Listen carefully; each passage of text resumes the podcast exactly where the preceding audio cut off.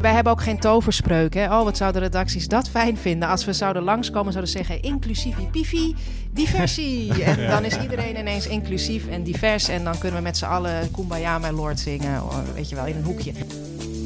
Je luistert naar de Pegel-podcast van Villa Media. Normaal gaan we langs bij freelance journalisten met onze mobiele studio. In deze bonusaflevering pakken we het anders aan. Ik ben Sjoerd. En ik ben Erwin. Deze keer praten we met Zoe Papa Economo en Anne Brecht Dijkman over inclusieve journalistiek.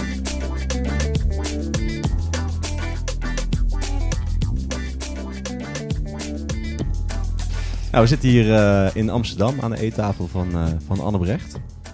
Uh, jullie hebben een, een, boek geschreven. Heb je een, uh, een boze moslim voor mij? We zijn laatst bij de, bij de boekpresentatie geweest. Het was ontzettend druk. Jullie hebben wat, wat losgemaakt, zo te zien. Um, kunnen jullie vertellen waar het, waar het over gaat? Dat is een vraag aan mij, hè? Maakt niet uit. Maakt niet uit. Je, je zit al mee te kijken. Ja. Brand los. Ja. ons boek gaat over diversiteit in de nieuwsjournalistiek. Uh, en uh, daarvoor hebben we ge vooral gekeken wat is de cultuur op redacties. Uh, wat heb je ervoor nodig om diversiteit um, goed te laten nou ja, te landen op de redactie? En dan hebben we het over cultuur, religie en afkomst. Daar hebben we specifiek naar gekeken. Ja, jullie hebben het afgekaderd. Ja. ja. Ja, omdat het sowieso, het is een ingewikkeld onderwerp en het is ook een breed onderwerp. en wij dachten met deze thema's, dat zit, zit dicht bij onze eigen expertise. Um, en daar hebben we ook uh, meer dan 60 mensen uit de journalistiek en wetenschappers en deskundigen, veel gevraagde bronnen ook op bevraagd. Dus we hebben ook vanaf dag één gezegd dat gaan we niet alleen doen. maar met al die expertise van mensen die echt in het journalistieke vak zitten. Ja, mooi. Um, deze bonusaflevering van de Pegel podcast willen we het vooral hebben over de context waarin freelance journalisten opereren. Nou, dit lijkt me wel een heel belangrijk stukje, stukje context. Dus uh, we zouden het graag willen hebben over, uh, uh, over in wat voor wereld freelance journalisten terechtkomen als het gaat om diversiteit. Kun je daar wat, wat over vertellen? Nou ja, kijk, wat, wat wij betogen in ons boek is ook dat divers kunnen werken of inclusief kunnen werken, dat dat onderdeel is van het journalistieke vakmanschap. Dus net als dat je, wat je toch vrij standaard meekrijgt op de hogescholen voor journalistiek bijvoorbeeld, of de opleiding journalistiek, waar ik zelf ook heb lesgegeven, is uh, nou, hoor, wederhoor, feiten checken, maar ook dingen als, uh, nou, er is een eindredacteur om de spelling te checken, noem het maar op. Dat zijn van de goed onderzoek doen. Uh, daar vinden wij dat, dat daarin divers denken. En dus denken aan dat er verschillende perspectieven zijn.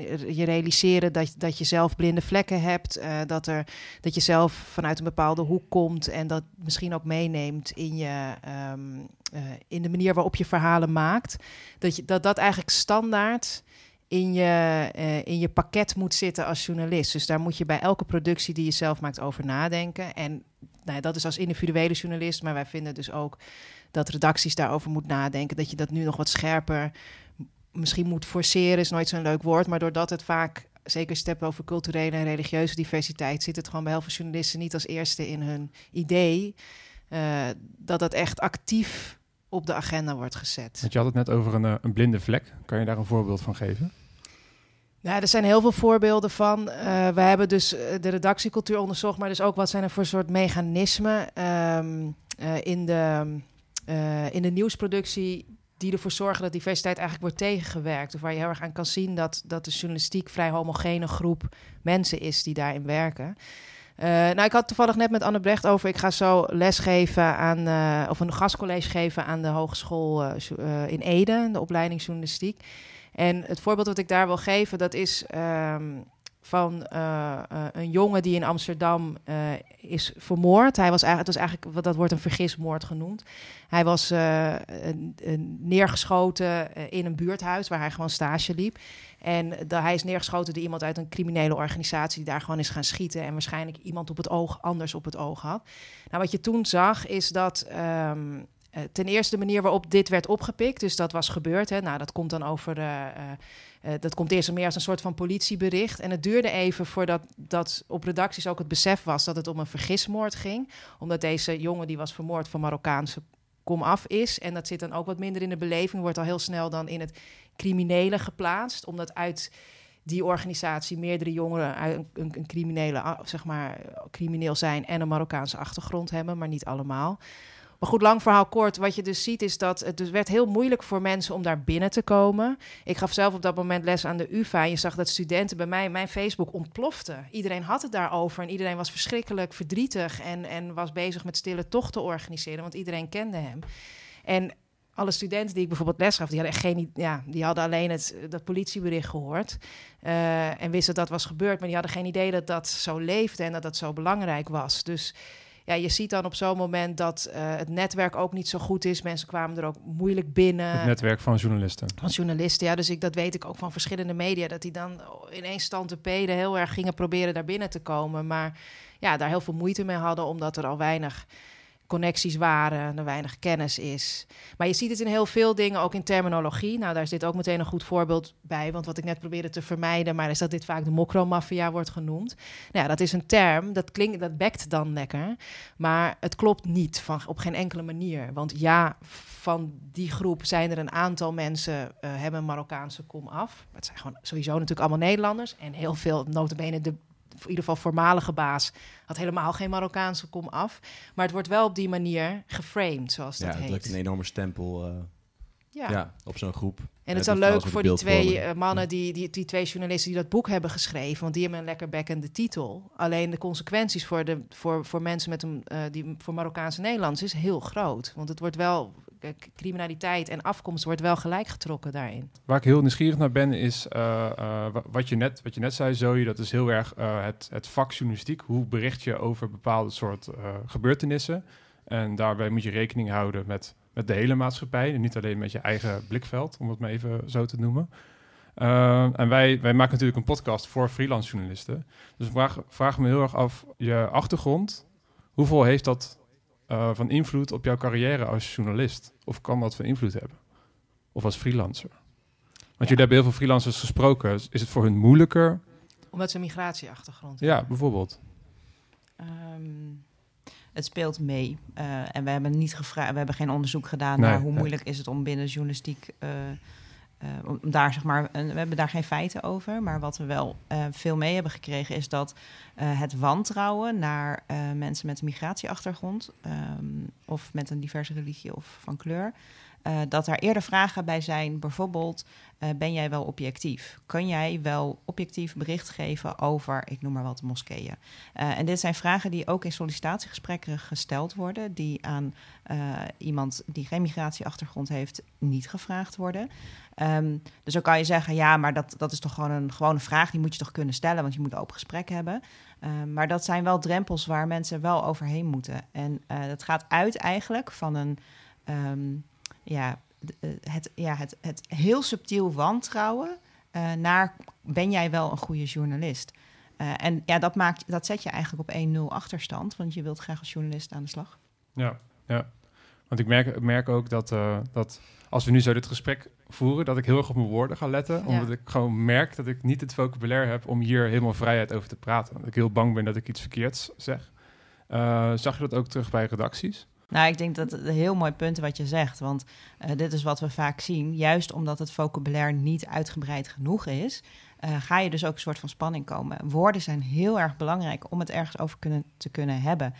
Um, en een van de dingen die wij zelf denk ik ook gemerkt hebben in het, in het schrijven van het boek en het doen van onderzoek, is dat uh, er bestaat wel degelijk heel veel terminologie voor dingen om die te kunnen benoemen. Alleen het is niet zo bekend bij het grote publiek. Dus uh, bijvoorbeeld uh, woorden als othering, dat is dan een Engels woord, maar iemand als de ander beschouwen. Dat is bijvoorbeeld een mechanisme. We hebben er ook eentje zoals uh, pink testing. Dus ben je wel tolerant genoeg ten opzichte van homoseksualiteit? Zijn allemaal um, wetenschappelijke termen die niet blijkbaar uh, bij het grote publiek bekend zijn als vocabulaire. Terwijl dat helpt om het gesprek erover aan te gaan. En uh, ja, je hebt woorden nodig uh, ja, om het erover te hebben. En, en, en nou ja, die neiging dat je zegt van nou, ik, begin op mijn woorden te letten, dat heeft ook denk ik te maken met dat van het thema blijkbaar een soort van moraliteit uitgaat. Uh, dat het gaat over, ja, maar ik ben geen racist. Of uh, ja, maar uh, ja, ik vind het ook heel belangrijk dat er vrouwen zijn. Of snap je? Dus, dus blijkbaar voelen mensen zich heel erg direct of uh, direct heel erg persoonlijk aangesproken.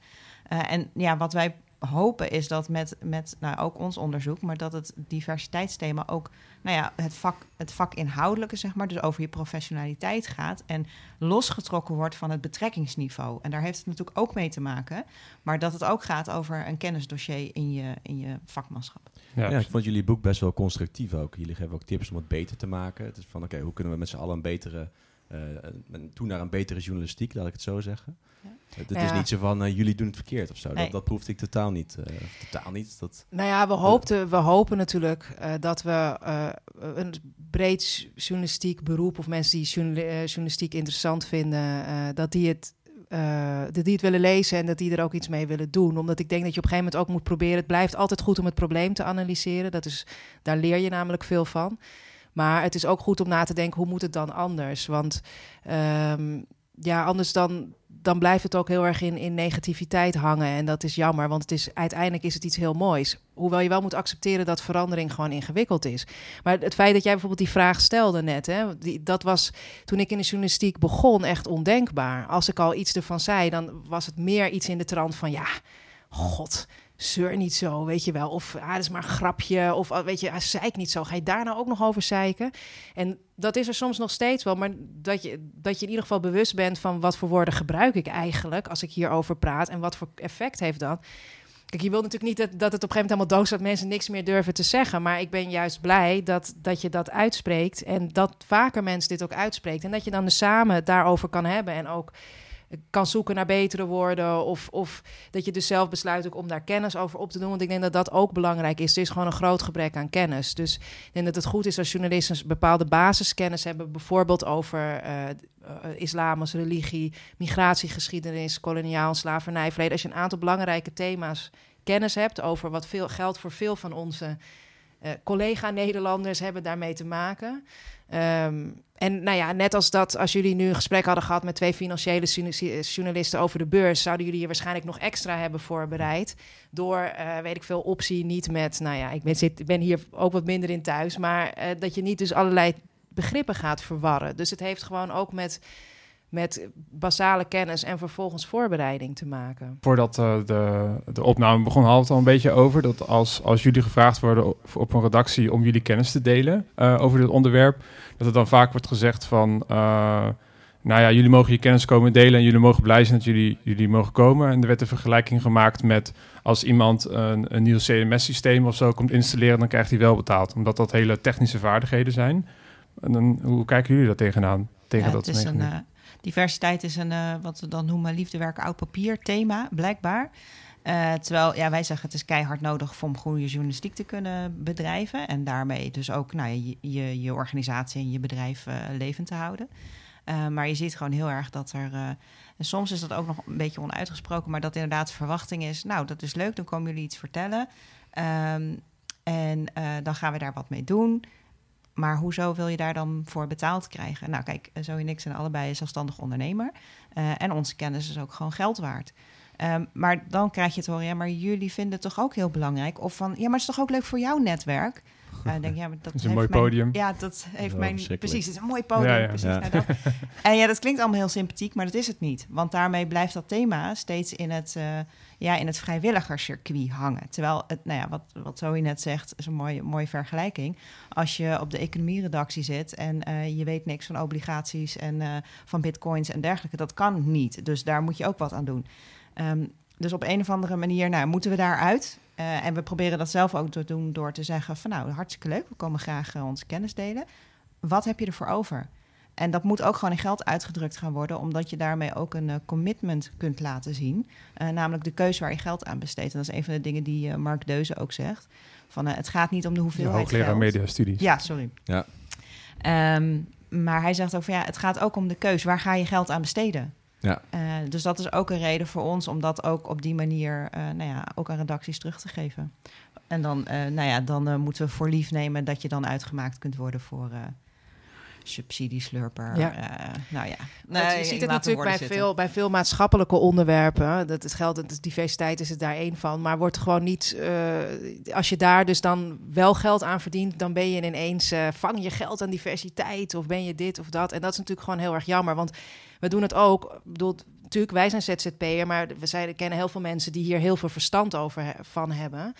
Eh, die in hetzelfde eh, schuitje zitten, om het zo maar te zeggen. Dus het gaat er ons ook niet per se om dat redacties ons dan per se moeten uitnodigen, of wie dan ook. Hè. Maar gewoon dat ze het, wat Anne Brecht net ook zegt, weet je, dat ze, het, dat ze het erkennen als iets wat ze nodig hebben, wat belangrijk is. En waar ze ook daadwerkelijk iets mee gaan doen. Want daar schort het bij Ja. diversiteit nogal aan. NRC heeft deze week. Eh, Of wat was rond 21 mei heeft NRC ook nog een, eh, een dossier gepubliceerd over diversiteit. Hoor je alle hoofdredacteuren ook weer, ja, heel belangrijk. We vinden het heel belangrijk. Maar wat doen ze nou daadwerkelijk? Dat is elke keer het probleem. Of het blijft hangen in een projectje. Of ze nemen wat stagiaires aan en dan is het klaar, om het even cynisch te zeggen. En eh, het is zo van essentieel belang, zeggen wij, om hier aandacht aan te besteden. Eh, dus dan moet je dat ook serieus doen. En niet vanuit de houding. Wij, fantastische journalistieke wereld, nodigen jullie uit om iets te komen vertellen. Wees daar heel blij mee dat jullie ons, onze gelederen mogen betreden. Ja, nee. Terwijl je zou zeggen, het is gewoon een goede investering. Want ze krijgen er uiteindelijk betere verhalen van. Ja. Eh, dus een, een, een waardevoller product. Precies. Maar, die, Maar maar dat zo- soort terminologie, en daarom is het ook belangrijk dat je die woorden gebruikt, die, die zitten nog niet zeg maar verbonden met het thema diversiteit. En dat is Mhm. nou ja, wat we zelf dus ook proberen te doen. Eh, ja, je commitment, je investering, het gaat je iets opleveren. Maar dat zijn dus dat is ja, het rendementsdenken, zeg maar. Ja. En blijkbaar zit daar een soort van frictie mee van ja, maar het is toch maatschappelijk? Mhm. Ja, en, en wij hebben ook geen toverspreuk. Hè? Oh, wat zouden redacties dat fijn vinden als we zouden langskomen, zouden zeggen inclusief, pifi, diversie. En dan is iedereen ineens inclusief en divers. En dan kunnen we met z'n allen Kumbaya, my lord zingen, oh, weet je wel, in een hoekje. Ja, ja. Zo gaat het niet werken, want onze boodschap is natuurlijk voor een, de- voor een groot deel ook, het, het kost heel, het is, het is verandering. En verandering is tof, maar moeilijk, kost tijd. Moet je in, en moet je, het kost langer ook, weet je. Dus en moet je op heel veel verschillende plekken tegelijkertijd doen. Dus wij hebben niet een soort eh, magische toverspreuk voor ze. En dat, dat zit niet altijd in het DNA van journalisten. Die willen toch eh, tak, tak en klaar. En door naar het volgende verhaal. Dat hebben we ook weer getackeld. Ja, dat- dit tackle je niet even. Het is een verandering. Ja, het klinkt echt als keihard werken van alle betrokken partijen eh, om dit structureel voor elkaar te krijgen. Maar dat geldt voor zoveel dingen. Je krijgt er, om, om beter te worden, moet je hard werken, weet je wel. Dus dat Mhm. is. ehm, ik denk trouwens wel, het schiet me nu ineens binnen, maar als ik nu te veel op een zijpad ga, maar omdat je ook, weet je, wat is voor freelancers belangrijk? Ik, wat ik wel merk, en ook om wel even iets positiefs te noemen, ik merk wel dat het belangrijk wordt gevonden op redacties, dat ze dus erg worstelen met hoe. Maar ik merk dus ook dat eh, als freelancers dit belangrijk vinden, of dit als specialist hebben, maar gewoon überhaupt in hun werk daar rekening mee houden. Eh, en daarover nadenken hoe je verschillende perspectieven kan betrekken. In, in nou, wat jullie ook proberen in jullie boek bijvoorbeeld, of met deze podcast. Dat dat wel iets is wat op waarde wordt geschat. Dus het is, je kan je er ook wel op onderscheiden als freelancer. Het wordt wel in ieder geval op, op, op sommige redacties echt wel gezien. Dus dat. Dat, en als je dat steeds meer binnen een bedrijf belangrijk gaat maken, als het een pluspunt is, dan gaat het je dus ook als freelancer kan het je werk opleveren. En word je daar, kan je daar dus ook op onderscheiden dat jij dat oog wel hebt. Hoe, hoe kun je dat doen als freelancer? Nou, het hangt dus een beetje vanaf. Eh, Veel freelancers, die ik althans ken in het journalistieke vakgebied, die hebben specialisme. Nou, dat specialisme kan zijn dat je veel weet van onderwerpen die met diversiteit te maken hebben. Het kan ook zijn dat je heel veel van politiek weet of economie. Dus als je een, eh, wat meer algemeen, een ander soortig onderwerp hebt, zou ik zeggen, zorg dat je heel erg je netwerk daarbinnen gaat verbreden. Dus neem politiek, nou ja, ga dan ook heel erg nadenken, ook eh, wat voor misschien politici er zijn met, met een migratieachtergrond die je kan, kan benaderen om daar perspectief uit te horen. Maar dat je heel goed ook bewust bent van wat voor dingen er spelen in de maatschappij. eh, die niet alleen te maken hebben met de meeste, zeg maar de standaard thema's waar je mee, mee bezig bent. Ga wat meer te raden eh, bij andere, andere groepen Nederlanders die je nog niet kent. Ja, want netwerken zijn heel veel waard in de journalistiek. Je had net bijvoorbeeld over die, eh, over die vergismoord en dat veel media moeite hadden om daar binnen te komen in dat netwerkje. Dus als je daar wel zit als freelancer, dan kan ik me voorstellen dat, dat media er ook best wel wat voor over hebben om jou eh, in te huren op dat moment. Dat heeft enorm veel meerwaarde. Het, het, is, het, vergt ook gewoon een. En je moet ook dan accepteren dat het een wat langere adem nodig heeft, zeg maar, om, om op allerlei plekken binnen te komen. Zeker, want dat is denk ik wel belangrijk wat je ziet. eh, binnen eh, veel, eh, eh, ehm, bij veel islamitische Nederlanders is dat er ook een wantrouwen richting media is opgebouwd. En dat komt natuurlijk ook door, door nou ja, inmiddels tientallen jaren negatieve berichtgeving en jezelf niet terug herkennen en ook eh, toch veel onwaarheden zien over iets wat voor jou belangrijk is. Dus het, is, het, is, het vergt dan soms wat meer moeite om daar binnen te komen. Dat is ook wel begrijpelijk. Maar het levert ook heel veel op. Het levert je allereerst voor jezelf gewoon veel meer kennis en inzichten op. Uh, en nou ja, zo geldt dat natuurlijk voor nog veel meer groepen. Het is ook denk ik heel belangrijk dat je gewoon überhaupt je kennis verbreedt over een aantal belangrijke onderwerpen dan die, die, die spelen weer binnen die groepen op jouw thema of als je het over diversiteit hebt. Uh, en dus ook nadenkt over terminologie bijvoorbeeld. Dus dat je je daar ook een beetje in, ja, goed in verdiept en, en wat voor consequenties dat heeft. Ik denk sowieso belangrijk. Als jullie dan kijken, dat dit zijn echt dingen die, die een individuele journalist zou kunnen doen. Dus tenminste, gewoon uh, breder, breder kijken, verbreed je netwerk. Dat hele logische tips. En jullie, jullie gaan ook naar, naar redacties toe. En, en dan niet met een toverstaf, denk ik. Maar wel met, met, uh, met kennis en uh, met, met tips. Wat zijn dan die tips voor die redacties dan? Nou, Willen jullie een soort beleidsverandering? Of, of hoe, hoe? Ja, ik denk dat het, uh, het hangt heel erg van de, van de stand van zaken af op een redactie. Uh, die verschilt nog alles. Uh, ik denk dat we hebben een, een, mooi interview gehad in de Trouw. En ik denk dat het daar heel mooi beschreven is, ook door degene die ons geïnterviewd heeft. Van, het is een soort van radardiversiteit wat in elkaar grijpt. Dus je moet iets aan je personeelsbeleid doen. Je moet iets aan je dossiervorming doen. je moet iets doen aan het op de agenda houden en je terminologie in je stijlhandboek. En dat zijn, het is gewoon veel. En als je ergens één dingetje doet, dan heeft het gewoon geen effect. Dus dat betekent dat je uh, op heel veel fronten iets moet doen. Maar dat is ook best wel een zware boodschap voor redacties. Uh, want dan moet je even slikken. Want dat betekent dat je niet, nou ja, zoals hè, het was leuk, we hadden toch die, die toverformule en dan kwamen, oh, die hadden we toch niet. Dat, ja, dus daar, daar, voor ons is heel belangrijk om te toetsen, staan mensen ervoor open om dat hele plaatje te zien, zonder dat mensen in de verdediging schieten. Of zonder dat ze direct zeggen, uh, ja, maar dit hebben we al. Of ja, maar dat komt later. We gaan eerst met vrouwen aan de slag.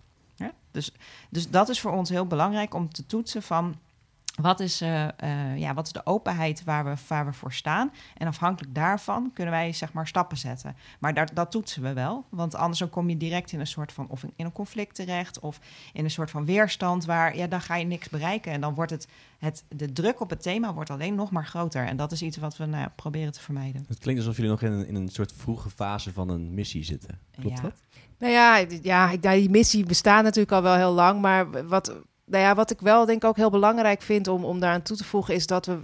eh, dat we allebei, en, ik heb zelf ben ook de afgelopen periode een aantal keer op redacties geweest. Wat ik gewoon merk is dat er bij een, er zit gewoon natuurlijk bij een deel van de journalisten en redacties waar komt, zit gewoon nog best wel weerstand. En blijf je nog heel erg in het bewustwording van dat ze eigenlijk überhaupt het gelul vinden, dat hele diversiteitsverhaal. En ik vind het wel belangrijk steeds meer om. Uh, om, om te focussen op mensen die wel willen binnen een organisatie, die er wel open voor staan. Uh, omdat ik denk dat zij weer hun collega's makkelijker mee kunnen nemen dan mensen van buitenaf. En de, onlangs ook met een uh, adjunct hoofdredacteur besproken bij de NPO. En die zei ook van, volgens mij hebben we ons erg veel op weerstand gefocust in diversiteitsbeleid, zoals dat heet. Dus maar om, om iedereen maar bewust te krijgen en mee te krijgen.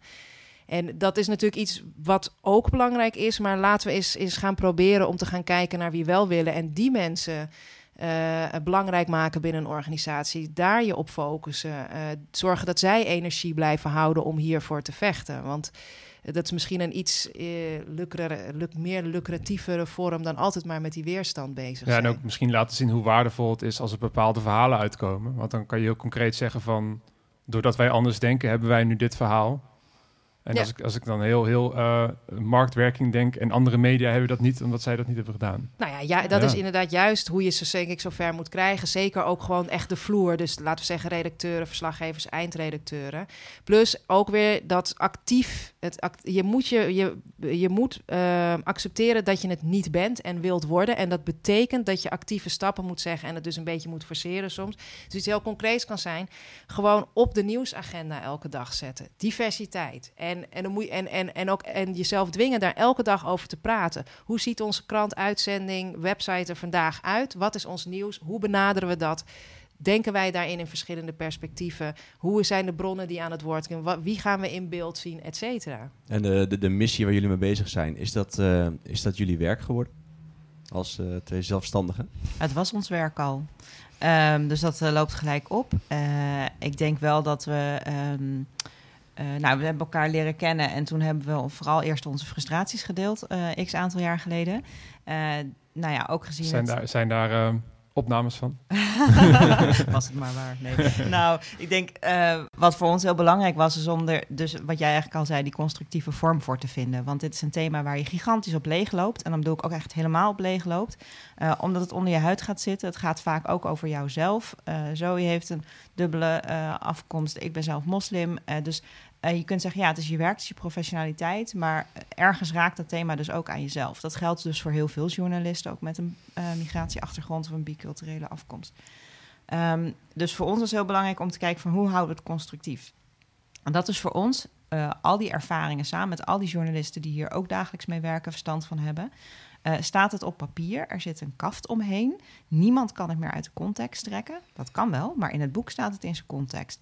En dat is voor ons ook iets om op terug te vallen. En ook om te zeggen om soms van... oké, wacht even, we zitten nu weer in de weerstandmodus. Nou, dan maar even niet. Even er weer uit. Want je moet jezelf daarin ook gewoon sparen, want je moet nog langer mee. Uh, zeker als freelancer kan je gewoon niet veroorloven dat je hier helemaal leeg loopt. Dus dat is wel, en dat zou denk ik ook wel een tip zijn voor andere freelancers. Zoek naar daar waar je, ja, dat heet dan zo flauw, maar waar, waar, je, waar je in je kracht zit, zeg maar. Waar je waar je uh, energie van krijgt. En dat kan best wel met een ingewikkeld thema zijn, maar laat je niet leeglopen. En want uh, iemand zei dat ook heel mooi: het is heel makkelijk om bullshit te produceren, maar het kost heel veel energie om die bullshit te repareren en te, um, hoe zeg je dat? Het, um, wat is het woord? Te weerleggen. Nee. Ja, de, uh, nee. weg te strijken. Ja.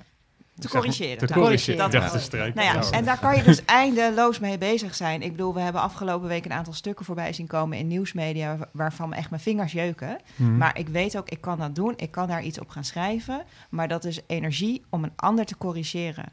En uh, nou ja, van die modus wil ik eigenlijk zelf af. En soms is het heel goed om een analyse te maken. Maar ik heb liever dan de dingen te doen nou ja, waar ik zelf energie van krijg. En denk, nou, dan helpen we het thema een stapje verder. Ja, en jullie hebben genoeg te doen volgens mij, want sinds jullie boekpresentatie uh, hebben jullie het erg druk, uh, begreep ik.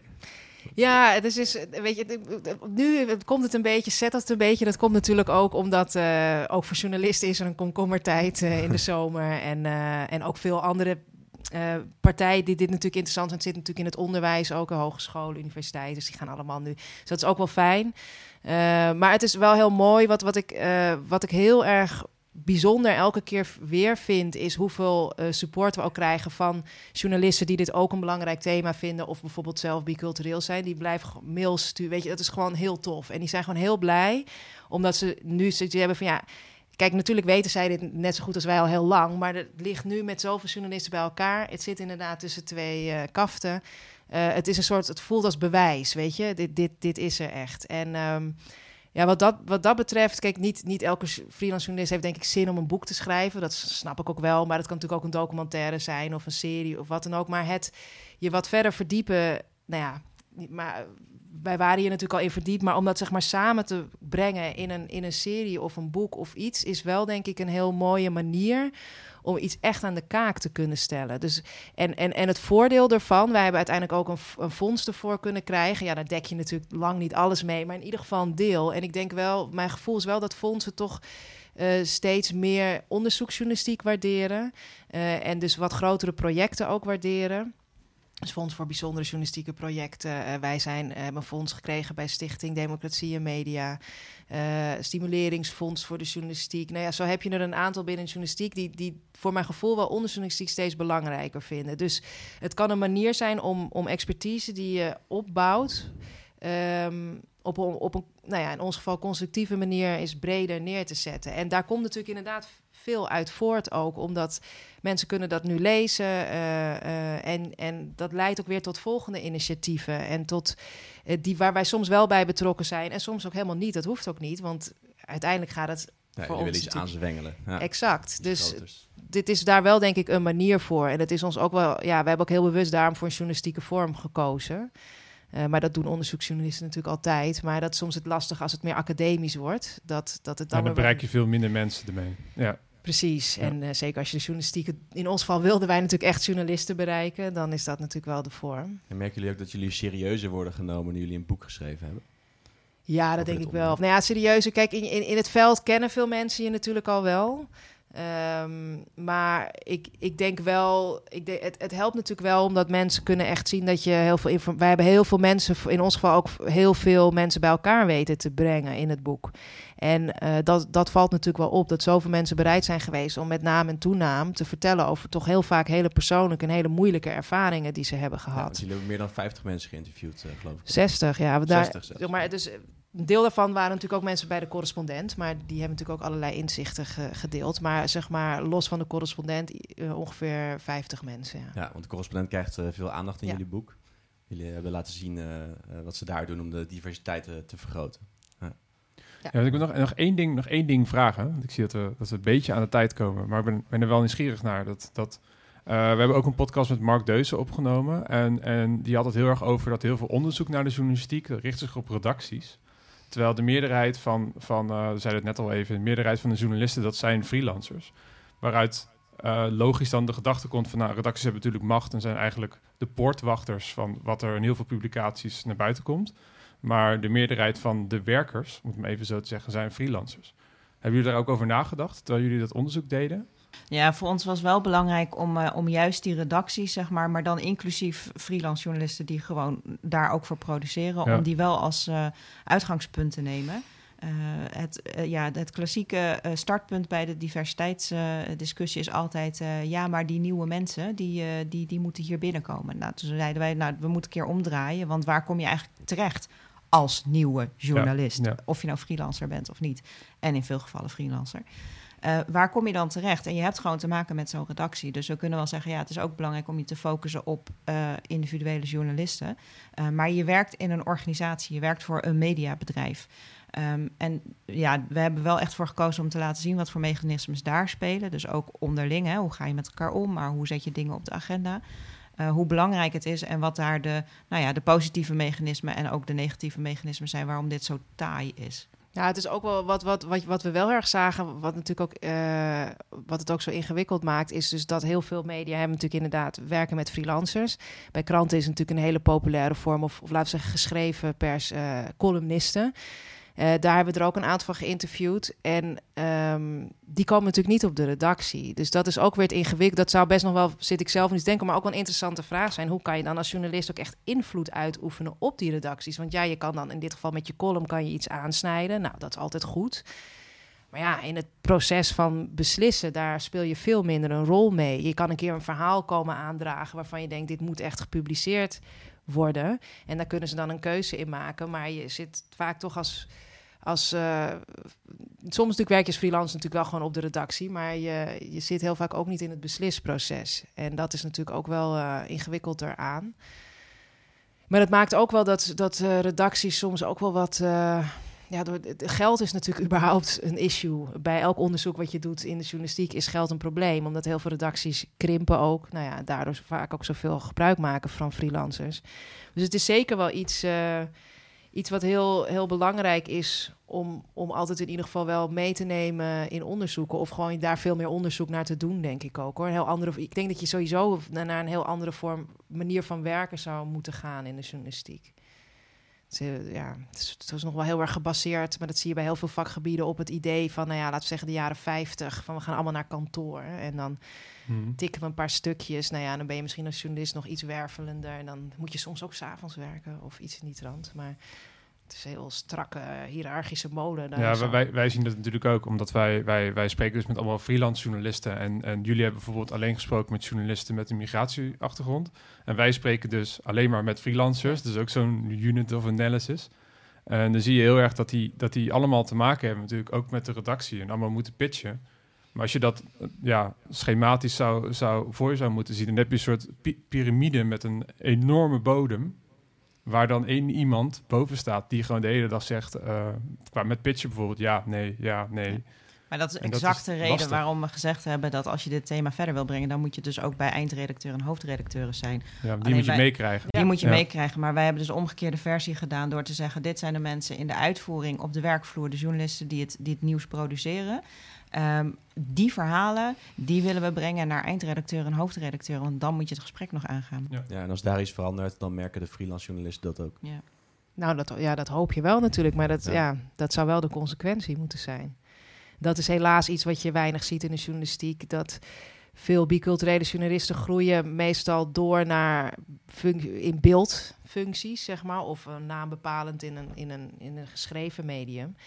Eh, terwijl je ze dus wat minder ziet doorgroeien naar eindredactionele functies. Dan zijn ze meestal ook al vertrokken als ze op redacties werken. ja, en over die consequenties gesproken, dat is sowieso een groot ding. Want eh, aan diversiteit hangen geen consequenties. Die zijn er natuurlijk wel degelijk. Hm. Namelijk dat je minder goede journalist bent, et cetera, et Voor de cetera. samenleving. ja. Maar zeg maar, m- niemand wordt erop afgerekend. En dat is wel een punt waarvan ik denk, nou ja, daar heb je dus ook nou ja, de organisatie voor nodig. Wat voor consequentie heeft het als je diversiteit niet in je pakket hebt? Nou, daar moet de organisatie nog mee aan de slag. Zijn er eh, hoopvolle ontwikkelingen op het gebied van diversiteit in de Ja. journalistiek? Eh, wat ik net al zei, is dat ik wel denk dat het gesprek wordt nu weer wat opener gevoerd. En hoewel ik ook soms wel merk dat mensen dus juist wat jij net bijvoorbeeld aangaf van ook let op mijn woorden, dat durven mensen soms juist ook weer niet te zeggen uit angst weer dat ze dan, weet je wel, dus Wat, wat meta-meta wordt ja, dan. ja, precies. Maar goed, Ja. het, is, het is wel, eh, je merkt wel dat er, ehm, eh, vind ik, meer, iets meer over gesproken wordt.